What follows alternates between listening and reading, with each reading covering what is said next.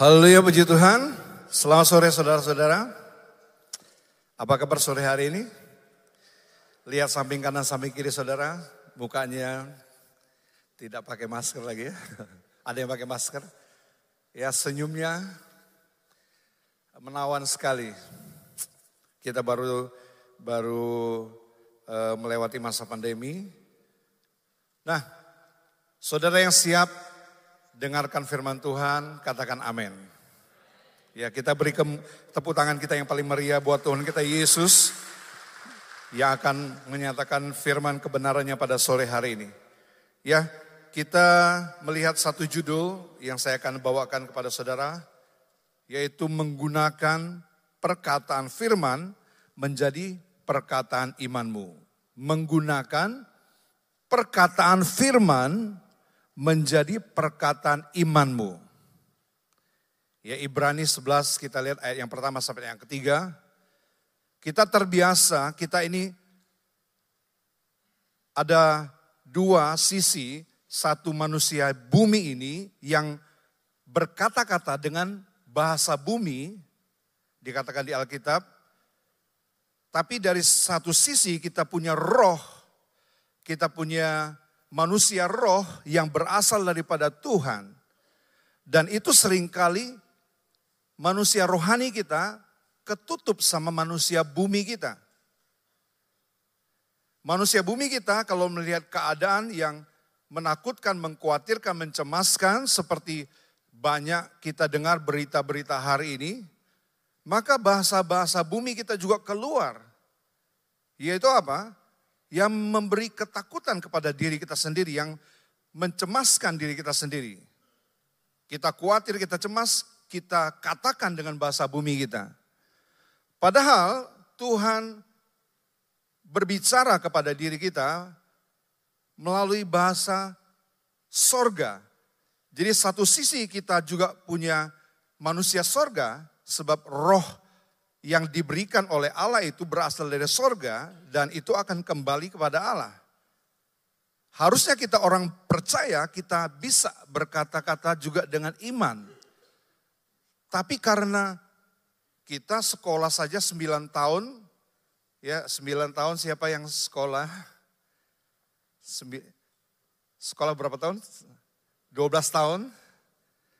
Saudara, kita dijejali oleh pelajaran-pelajaran yang menyatakan bahwa yang tidak kelihatan itu apa?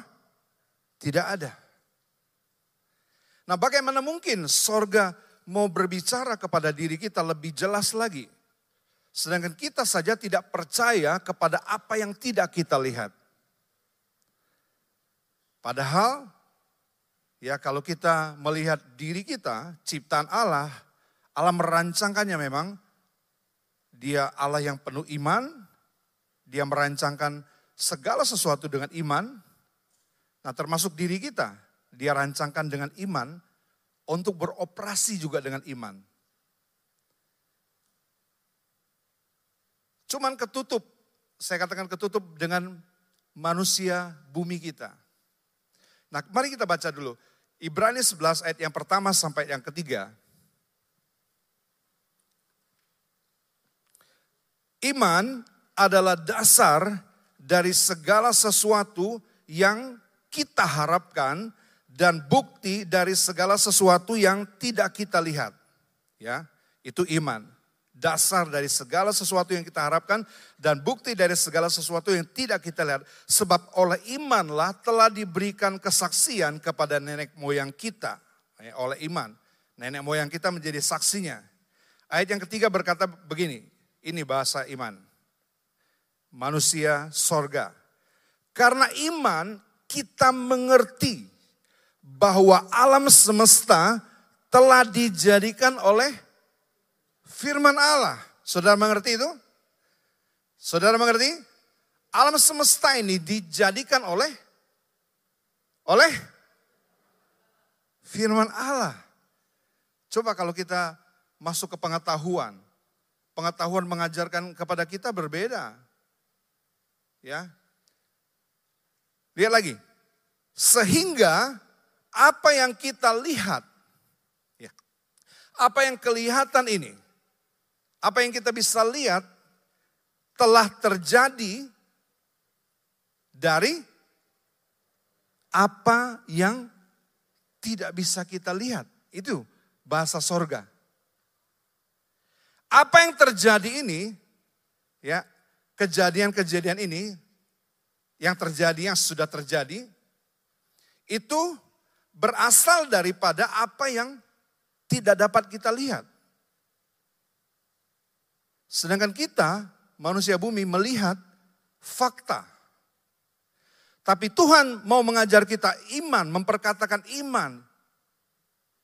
Iman itu dasar dari segala sesuatu yang, sesuatu yang kita harapkan dan bukti dari segala sesuatu yang tidak kita lihat.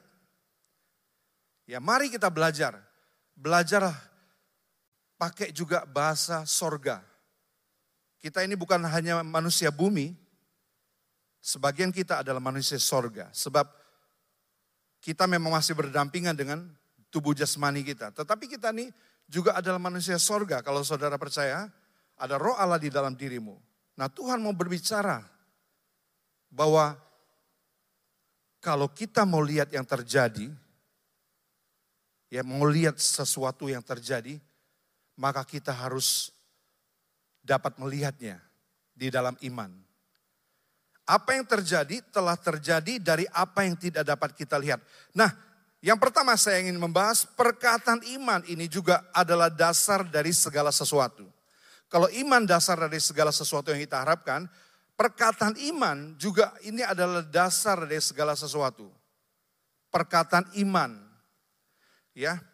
Nah, apa yang kita harapkan dan apa yang kita tidak lihat itu dari definisi iman dan kita akan melihatnya melalui perkataan iman kita.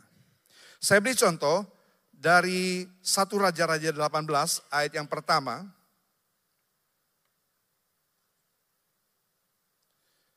Satu Raja-Raja 18 ayat 41. Satu Raja-Raja 14 ayat 18 ayat 41. Begini firman Tuhan, kemudian berkatalah Elia kepada Ahab, ya pergilah, makanlah dan minumlah sebab bunyi derau hujan, ya sebab bunyi derau hujan sudah sudah kedengaran. Nah, saudara menyaksikan fakta melihat cerita di Alkitab kalau saudara baca ayat sebelumnya, itu tidak ada tanda-tanda bahwa hujan akan turun. Ya tidak ada tanda-tanda. Selama ini mereka kekeringan tiga setengah tahun. Bayangkan tidak pernah hujan turun di Israel tiga setengah tahun. Mereka alami kelaparan yang besar. Nah Nabi ini diutus oleh Tuhan. Ya Dan dia katakan ini, Makanlah dan minumlah, pergilah sebab bunyi derau hujan sudah kedengaran. Nah faktanya awan hitam pun belum ada. Ya faktanya ini. Lihat dia pakai perkataan imannya. Nah sebab kita percaya kalau saudara melihat ayat yang pertama, saudara baru tahu itu berasal dari firman firman Tuhan. Yaitu sebabnya memperkatakan firman Tuhan sebagai apa? Sebagai menjadi perkataan iman kita. Ayat pertama kalau kita baca uh, ini berasal daripada Tuhan, Tuhan yang suruh Elia ngomong sama Raja Ahab. Nah, apa yang dia lakukan? Ya, Raja, eh, Raja Ahab ini memang benar-benar percaya dia pergi, dia makan dan minum. Sebab dia tahu dari Elia bahwa hujan akan turun. Tapi tanda-tanda hujan akan turun itu belum ada. Apa yang Elia lakukan? Saudaraku, kalau kita lihat Elia berdoa, saudaraku. Elia berdoa, dia berdoa sampai kepalanya di antara dua lutut. Ya, itu posisi doa yang menurut saya sulit sekali. Mau praktekkan? Sulit sekali itu. Nah dia tetap berdoa saudara-saudara. Kali pertama kali dia berdoa dia suruh bujangnya naik ke atas. Lihat ke arah laut. Sudah ada tanda-tanda belum? Perhatikan, ayat 41 tadi dia ngomong, dia berani sekali ngomong, hujan sudah kedengaran. Tapi pada hujan sama sekali belum ada, tanda-tanda awan awan gelap pun belum ada. Dia suruh naik bujangnya. Dia katakan lihat ke arah laut, apakah sudah ada awan? Nah dijawab oleh bujangnya ini memang fakta. Memang fakta yang terjadi belum. Sampai berapa kali dia berdoa? Kalau saudara lihat, tidak ditentukan, memang tidak tidak dijelaskan berapa kali. Eh, maksud saya di, Elias sebelumnya tidak mengerti berapa kali harus melihat tanda-tanda itu. Ya kali kedua dia berdoa, dia suruh lagi bujangnya, naik, lihat lagi, ada belum? Belum. Ketiga kali dia berdoa kembali. Dia suruh bujangnya naik, lihat tanda-tanda itu ada belum? Belum. Kalau saudara-saudara mau berdoa untuk jawaban doa saudara, saudara sudah berhenti atau belum? Saudara meyakini Tuhan menjawab doa kita. Tetapi ketika kita berdoa, doa sudah satu kali, belum mendapat jawaban, saudara sudah menyerah. Biasanya kita sudah mulai menyerah. Dua kali, tiga kali, Empat kali. Mungkin kalau kita sudah wah, udah bosen doanya. Buktinya nggak ada. Tapi benar saudaraku Elia berdoa, dia tetap berdoa. Dia naik, suruh bujangnya naik lima kali, ke enam kali, ke tujuh kali. Barulah bujangnya lihat, oh ada awan sebentuk tangan kecil. Tapi dari, dari jarak jauh tentunya. Dia melihat, ada awan sebesar telapak tangan. Nah, dia katakan, dia suruh suruh Ahab cepat pergi sebelum kamu kehalang oleh hujan. Ya, mereka ada di Gunung Karmel waktu itu turunnya ya enggak gampang. Jadi Ahab berangkat dulu. Kamu berangkat dulu. Nah, saudaraku lihat. Sampai tujuh kali dia berdoa. Kalau kita kalau kita berdoa, Saudara suka menyerah bukan? Ya, gampang menyerah bukan? Kita ingat satu istilah push. Pray until something happen. Berdoa, terus berdoa sampai sesuatu terjadi. Nah itu, mengapa kita harus berdoa kalau memang itu apa jawaban dari Tuhan? Mengapa Elia harus berdoa? Kalau memang sudah itu tanda dari Tuhan, Tuhan sudah ngomong nanti akan turun hujan. Nah dia berani juga ngomong dengan Raja Ahab, sudah kedengaran bunyi hujan. Padahal faktanya belum ada tanda-tanda sama sekali. Nah kalau itu memang Tuhan menjawab doa kita, ya akan menjawab doa kita. Lalu kenapa perlu berdoa saudara-saudara? Ini penting sekali. Kenapa kita perlu berdoa? Ya, makanya kita suka lah berdoa. Jumat nanti ada doa raya. Saya harap kita semua antusias memang benar-benar berdoa. Kita lihat kenapa berdoa? Tuhan bekerja sama dengan manusia juga. Ya, Tuhan juga ingin bahwa setiap yang akan dikabulkan jawaban doa itu perlu memang didoakan. Kita nggak tahu memang Tuhan jawab kapan, tapi berdoalah sampai sesuatu terjadi.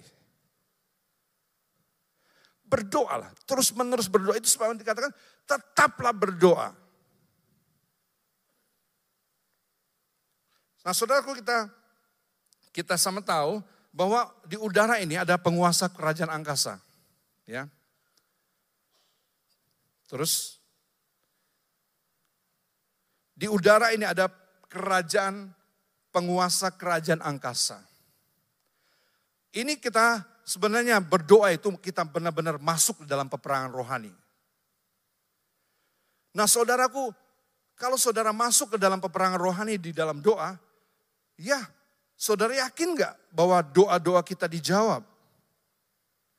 Kita harus masuk dengan postur benar, kita masuk dengan satu keyakinan benar bahwa doa kita pasti dijawab oleh Tuhan. Nah ini peperangan rohani saudaraku, di udara ini banyak sekali ya penguasa kerajaan angkasa. Kalau kita lihat di Efesus pasal yang ke-6 ayat yang ke-12 ada kerajaan, uh, coba dibuka ini. Efesus 6 ayat 12.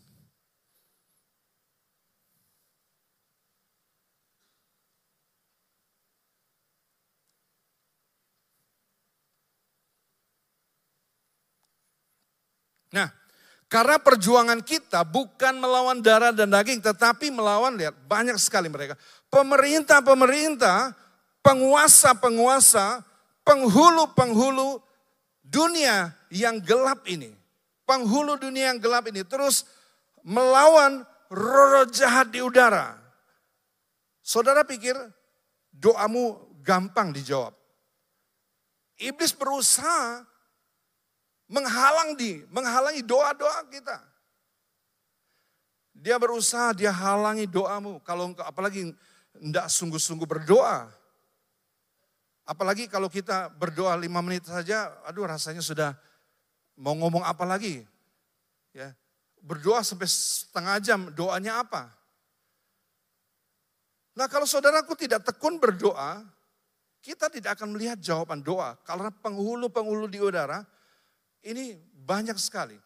Kalau kita lihat contoh di eh, dalam eh, Daniel pasal yang ke-10, Daniel pasal yang ke-10, ada peperangan rohani memang di udara. Daniel pasal yang ke-10, lalu katanya kepadaku, janganlah takut Daniel, sebab telah didengarkan perkataanmu sejak hari pertama, engkau berniat untuk mendapat pengertian. Siapa yang yakin doanya pasti dijawab? Siapa yang yakin doanya pasti dijawab Tuhan, haleluya. Sejak pertama, saudara tangkap ini.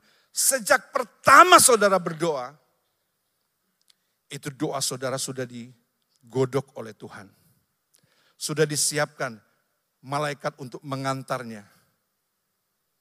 Sudah matang, sudah mulai dikirim. Nah, terus ya, dan untuk merendahkan dirimu di hadapan Allahmu dan aku datang oleh karena perkataanmu itu ya dan aku datang oleh karena perkataanmu itu terus pemimpin kerajaan orang Persia lihat pemimpin kerajaan orang Persia maksudnya ini roh yang menguasai Persia pada waktu itu kerajaan Persia roh pemimpin pemimpin lihat ini kan tadi kan pemerintah pemerintah kita lihat Ya, ini pemimpin mereka. Pemimpin kerajaan orang Persia berdiri 21 hari lamanya menentang aku. Nah ini terjadi di mana? Terjadi di udara. Peperangan rohani. Ya, kita nggak lihat dengan mata kita sekali lagi. Apa yang tidak bisa kita lihat itu belum tentu bukan berarti tidak ada. Kalau kita mau melihat kenyataan yang ada, kita harus menangkan dulu peperangan rohani kita. Ya.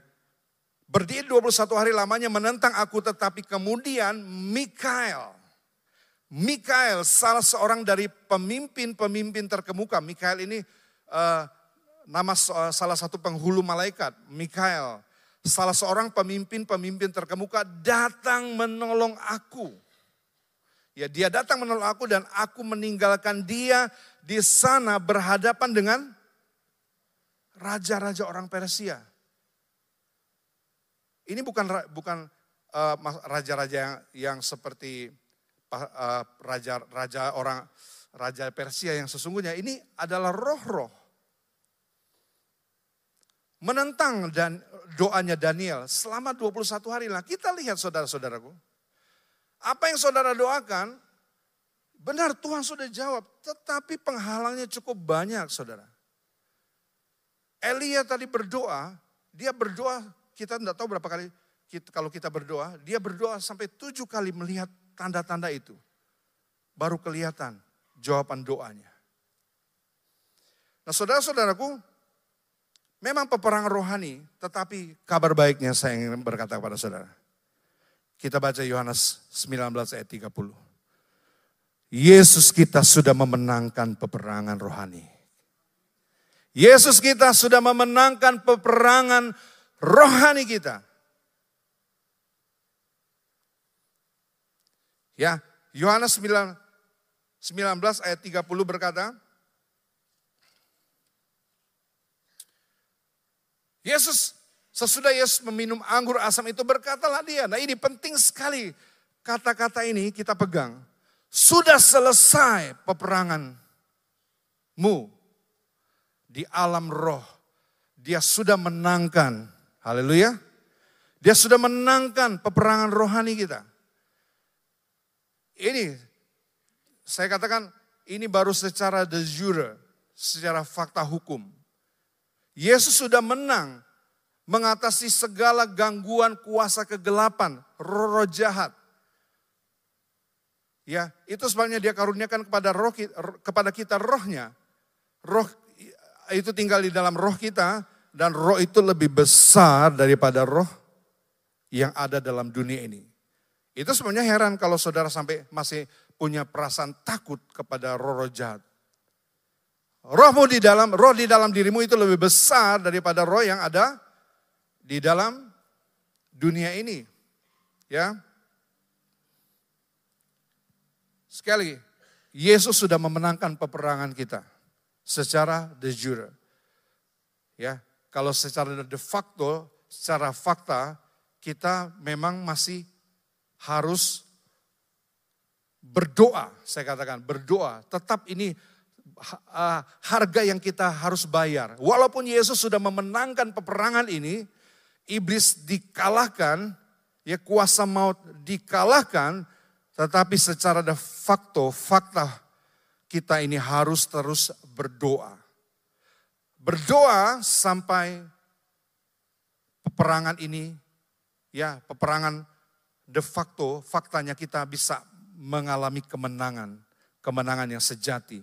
Kadang-kadang di hati kita belum menang, Ya, Yesus sudah mengal Yesus sudah menang mengalahkan kuasa kuasa kegelapan pemerintah-pemerintah yang jahat itu.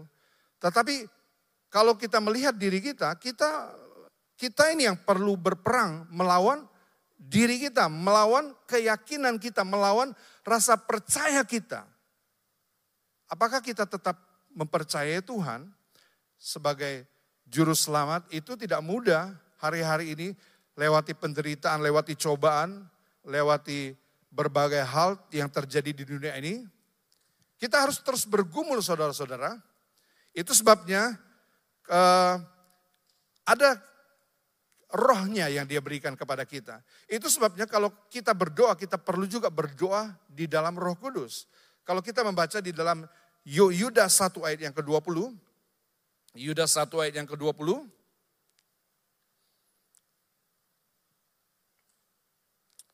Yudas 1 ayat yang ke-20.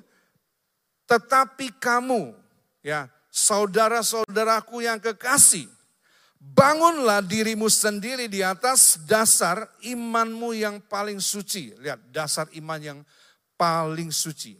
Iman yang tulus ikhlas. Iman yang bergantung kepada firman Tuhan.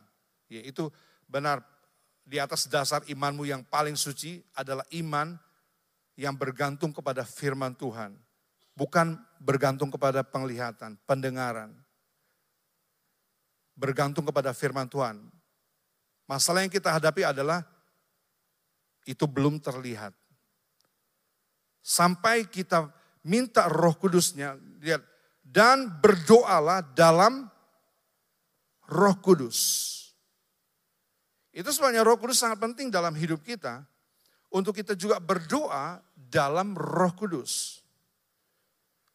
Supaya Roh Kudus itu membantu kita dalam segala hal permohonan kita kepada Tuhan dengan doa-doa yang tidak terucapkan itu Roh Kudus akan membantu kita. Ya. Kita sudah yakin ini Mesti memenangkan keyakinan kita di sini. Menang, harus menang dulu di dalam hati kita. Kalau enggak, kita tetap jadi orang-orang yang kalah.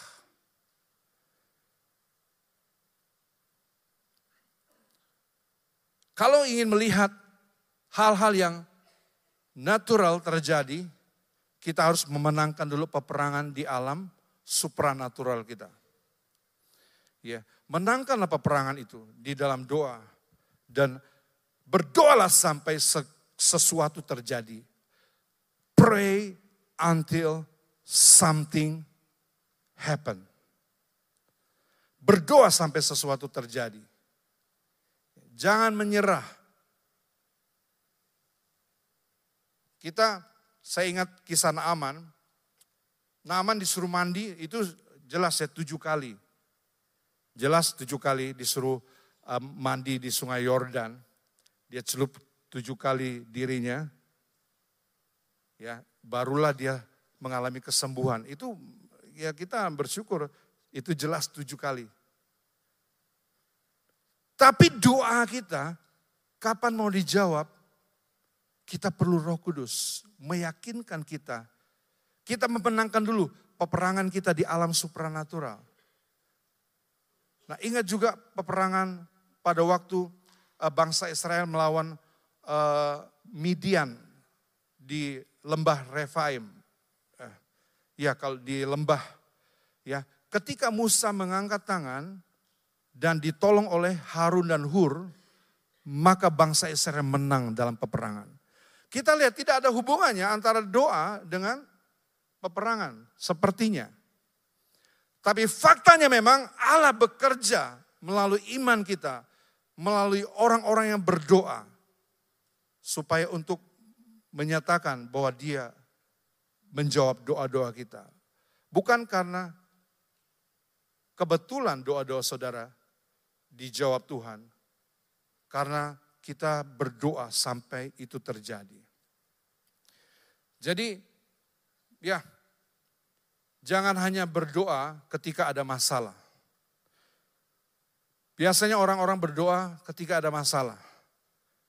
Ada masalah rumah tangga, sudah di ujung tanduk, baru datang kepada Tuhan. Masalah keuangan, sudah dikejar-kejar oleh penagih hutang, baru berdoa. Itu terlambat saudaraku. Ya walaupun terlambat memang kita mesti berdoa. Tapi keadaan kita hari ini, apa saudara pikir saudara aman-aman seperti ini? Keadaan kita aman, keadaan kita uh, tidak terjadi sesuatu yang mengkhawatirkan. Kita pikir semua aman-aman saja. Saudaraku iblis itu dia melihat, ya, dia melihat kita seperti dia melihat Ayub. Ayub itu dipagari oleh pagar berapi. Ya. Tidak bisa dilewati oleh kuasa iblis. Nah, saudaraku, kalau sampai ada pagar pagar di sekeliling kita, kita bersyukur masih. Itu karena doa-doa kita. Jangan sampai saudaraku anggap remeh saudara tidak berdoa, tidak apa-apa. Kita tidak tahu kalau ada celah sudah iblis masuk dan mencobai kita. Nah, saudaraku, itu yang pertama. Kita harus memenangkan peperangan kita. Kita harus bekerja sama dengan Tuhan. Tuhan menjawab doa kita, tetapi kita yang berdoa terus sampai jawaban itu datang. Yang kedua, kita melihat perkataan iman telah teruji sepanjang zaman. Saksinya adalah nenek moyang kita. Ya. Sekali lagi perkataan iman telah teruji sepanjang zaman. Ya, Ibrani 2, 11 ayat 2 tadi, nenek moyang kita itu menjadi saksinya. Kalau kita membaca di Ibrani pasal yang ke-11, coba baca yang ke-11, kita lihat saksi-saksi iman yang lain, ayat yang ke-7. Ibrani 11 ayat yang ke-7, nah lihat. Ya, karena iman, maka Nuh dengan petunjuk Allah tentang apa? Tentang sesuatu yang belum kelihatan. Sesuatu yang memang tidak kelihatan. Disuruh membangun bahtera. Ya kurang lebih berapa tahun? tafsirnya mengatakan 120 tahun membangun Bahtera. Wah, kalau kayak kita sudah ubanan. Ya. 120 tahun perhatikan daya tahannya bisa mempengaruhi istri, anak-anaknya, anak menantunya. Itu saya percaya dia punya iman yang teguh, dia memperkatakan imannya sehingga istrinya, anaknya dan tiga menantunya dia bisa mempengaruhi bagaimana juga punya iman untuk ikut bersama-sama membangun bahtera. Hei selama 100 tahun Rek, ini eh, 120 tahun sekitar. Sesuatu yang lama sekali. Tidak melihat tanda-tanda akan hujan. Di tahun pertama dia mulai, tahun kedua, tahun ketiga, tahun ke-50, tahun ke-90. Enggak melihat sampai pasti dijawab. Ya. Kita bersyukur Nuh membangun bahteranya sampai selesai. Ikutlah binatang-binatang itu. Nah kita lihat contoh lagi dalam ayat yang ke-8. Ayat yang ke-8, karena iman Abraham juga taat ketika ia dipanggil untuk berangkat ke negeri yang akan diterimanya menjadi milik pusakanya. Lalu ia berangkat dengan dengan dengan tidak mengetahui. Ini belum kelihatan. Belum terjadi. Tetapi apa yang membuat namanya ditaruh sebagai tokoh tokoh bapak beriman? Keteguhan hatinya. Walaupun dia belum melihat, dia percaya. Ini firman Tuhan. Mengatakannya. Nah saudara ini semua adalah bukti tokoh-tokoh iman. Harusnya dilanjutkan memang nama-nama ini terbatas ya. Nama-nama ini harusnya dilanjutkan dengan nama-nama kita. Haleluya. Harusnya dilanjutkan dengan nama-nama kita. Nama-nama pria Abraham. ya, ya, nanti kalau saudara saksikan mereka, wah siap. Siapakah kita? pria Abraham, GPD Himanaim Tegal. Harusnya memang dilanjutkan dengan kita. Kita lihat Lukas 1 ayat yang ke-45. Lukas 1 ayat 45. Dan berbahagialah ia yang telah percaya. Ya bukan baru percaya. Apalagi baru akan percaya. Apalagi diuji dari percaya jadi tidak percaya lagi. Berbahagialah mereka yang telah percaya. Sebab apa yang dikatakan kepadanya dari Tuhan akan terlaksana. Saya berdoa saudaraku supaya jadi apa yang saudara doakan semuanya terlaksana. Yang baik, yang berkenan kepada Tuhan yang sempurna, terlaksana, terlaksana, terlaksana, semua jadi. Tapi perhatikan, berbahagialah orang yang telah menjadi percaya. Apa artinya telah? Itu yang mempertahankan percayanya. Lewati badai, lewati gelombang, lewati angin ribut, lewati semua masalah-masalah dalam kehidupan. Dia tetap percaya teguh. Itu telah percaya. Ya, telah percaya orang seperti itu, apa yang dikatakan dari Tuhan, ya saudara tangkap dengan rohmu. Saudara tangkap ini perkataan firman Tuhan, saudara coba tangkap ya. Apa yang dikatakan oleh Tuhan akan terlaksana. Sekali, apa yang dikatakan Tuhan kepada orang yang telah percaya ini akan terlaksana dalam nama Yesus. Kalau saudara menangkapnya dengan imanmu, mengatakan dengan imanmu, kita belajar mulai tidak mengatakan fakta. Fakta itu memang nyata, si real. Ya, tidak usah dikatakan itu kita orang-orang yang tidak percaya juga bisa mengatakan hal seperti itu. Bahwa dunia sedang resesi, sedang mengalami akan mengalami krisis seperti ini. Dunia hari-hari ini menghadapi banyak-banyak bencana itu memang sesuatu yang fakta. Tapi janji Tuhan bagi orang yang telah menjadi percaya di tengah-tengah kesukaran sekalipun, di tengah-tengah persoalan sekalipun, di tengah-tengah masalah seperti apa pun, apa yang dikatakan kepadanya oleh Tuhan akan terlaksana dalam nama Yesus.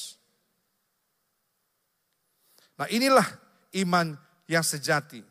Ya 2 Korintus 4:13, roh iman, kita punya juga roh iman. Ya, namun karena kami memiliki roh iman yang sama. Seperti ada tertulis, aku percaya sebab itu aku berkata-kata. Maka kami juga percaya sebab itu kami juga berkata-kata. Nah, kam, kita punya roh iman, maka latihlah roh iman kita. Supaya apa yang kita katakan telah terjadi dari apa yang tidak kita lihat. Terus bergumul, pray until something happen. Ya, yang ketiga sekarang, kita lihat ayat yang ketiga. Perkataan iman berasal dari firman Allah. Ya, perkataan fir, perkataan iman itu berasal dari firman Allah. Di ayat yang ketiga tadi kita sudah baca, Ibrani 11 ayat yang ketiga tadi.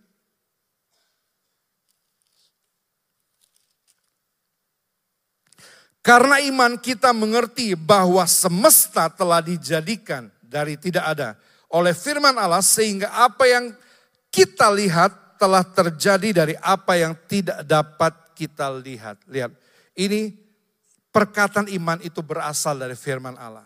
Ya, ingat ini. Sumbernya tidak lain tidak bukan firman Allah. Bukan sesuatu yang kita hayalan. Bukan sesuatu yang kita inginkan. Tetapi bagi orang-orang yang bisa menangkap isi firman Allah itu.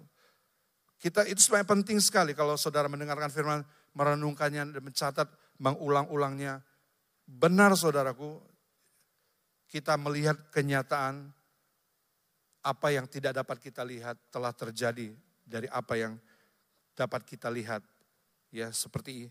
Nah, uh, untuk melihat apa yang telah apa yang terjadi dari apa yang tidak kita lihat, melihat pengharapan kita jadi kenyataan. Nah, kalau kita lihat sini, Allah penuh dengan iman yang sempurna di hatinya, di pikirannya, dalam perkataannya, dalam tindakannya, bahkan apa yang dia ciptakan itu beroperasi dengan iman. Saya akan tunjukkan buktinya. Bahwa manusia itu memang diciptakan dibuat untuk punya iman, beroperasi dengan iman. Kalau kita melihat di kejadian satu yang ke-26, perintah Tuhan kepada Adam, ya kepada uh, Adam, manusia Adam, itu supaya mereka, dia beranak cucu penuhilah bumi dan taklukkanlah dan berkuasalah. Lihatlah kata-kata iman semuanya. Dia disuruh berkuasa. Nah, itu sebenarnya saya percaya Adam seorang diri dia mampu untuk menguasai bumi. Ya, dia kasih nama semua binatang-binatang, dia taklukkan segala burung, segala ikan, dia taklukkan itu. Nah, itulah Bukti bahwa manusia diciptakan itu untuk beroperasi dengan iman. Sayang sekali ya, karena jatuh dalam dosa, dia memang kehilangan. Dia hidup berdasarkan apa yang dia lihat, bukan lagi dari perkataan firman Tuhan. Nah sama seperti ciptaan, kalau kita membaca uh, Matius, coba kita lihat Matius 6 ayat yang ke-26. Ini ciptaan. Nah, saya tidak berkata bahwa ciptaan ini punya iman, ya. Bukan, saya tidak berkata seperti itu. Saya ingin berkata semua yang Tuhan ciptakan beroperasi dengan iman. Ya. Orang percaya, orang tidak percaya juga dia punya iman, tapi imannya berdasarkan kepada apa? Saya tidak tahu dia dasarkan imannya atas apa. Kalau kita jelas, kita berdasarkan iman kita firman Allah. Nah, coba saudara lihat Matius 6 ayat 26 ya. Pandanglah burung-burung di langit. Ya, coba tengok burung-burung di langit. Tidak menabur dan tidak menuai, tidak mengumpulkan bekal dalam lumbung. Namun, namun diberi makan oleh Bapakku. Bukankah kita beriman untuk apa yang kita makan kadang-kadang? Kalau cuma beriman untuk apa yang kita makan, kita kalah dari burung. Ini burung hebat luar biasa. Saya tidak katakan dia punya iman, tapi dia beroperasi dengan iman. Sebab dia diciptakan oleh Allah yang penuh dengan iman. Burung dia tidak menabur, dia tidak menuai, dia tidak mengumpulkan. Tapi lihat, Bapa di sorga memeliharanya. Lihat bunga bakung, ayat yang ke-28. Dan mengapa kamu khawatir akan pakaian? Perhatikanlah bunga bakung di ladang yang tumbuh tanpa bekerja dan tanpa memintal. Saya tidak mengatakan dia punya iman eh, bunga bakung ini sebab kalau kita tahu dia adalah eh, level eh, level apa imannya berbeda jauh dengan kita. Tapi dia bisa tumbuh. Dia tidak bekerja, dia tidak memintal. Tapi lihatlah, pakaian Raja Salomo tidak seindah daripada bunga bakung itu. Ya, kita lihat matahari yang Tuhan ciptakan. Dia menyinari baik orang jahat maupun orang yang baik. Itu pertanda apa? Itu beroperasi dengan iman. Dia tidak pilih-pilih mana orang benar, dia sinari orang yang tidak benar, tidak dia sinari. Ini buktinya. Allah itu menciptakan segala sesuatu dengan dengan iman untuk beroperasi dengan iman. Hujan, dia Alkitab sendiri katakan dia tidak memilih ini orang benar dan ini orang tidak benar. Ah, aku mau curahkan kepada orang benar saja hujan itu. Baik hujan, baik matahari itu untuk beroperasi dengan iman. Dia tidak memilih. Oh orang ini akan jadi baik. Dia bisa melihatnya. Ya, orang ini akan jadi baik. Orang ini tetap jadi jahat. Nah, dia beroperasi dengan iman. Ya, Bukankah bukankah kamu jauh jauh jauh melebihi Oh jauh, kamu tidak bisa dibandingkan dengan ciptaan yang lain. Dah kalau burung saja, bukan berarti kita tidak perlu bekerja. Allah berikan kita potensi untuk kita bekerja mencari nafkah, mengeluarkan potensi kita maksud saya, itu bukan semata-mata untuk mencari nafkah saja kita diberikan potensi. Tetapi untuk mengeluarkan semua potensi dalam diri kita. Itu sebabnya kita perlu bekerja. Orang yang tidak kerja, Tuhan bilang tidak usah makan. Bekerja perlu. Itu mengeluarkan kemampuan kita. Ya. Mengapa kalau kita khawatir? Sebenarnya kita khawatir karena banyak kan kita iri hati. Ya, kita iri hati kepada sesama, kita eh, persaingan, gengsi, itu yang menyebabkan kekhawatiran melanda hidup kita. Kekhawatiran akan kekurangan, kekhawatiran tidak cukup, kekhawatiran, aduh mau makan apa, mau makan siapa, mau makan di mana.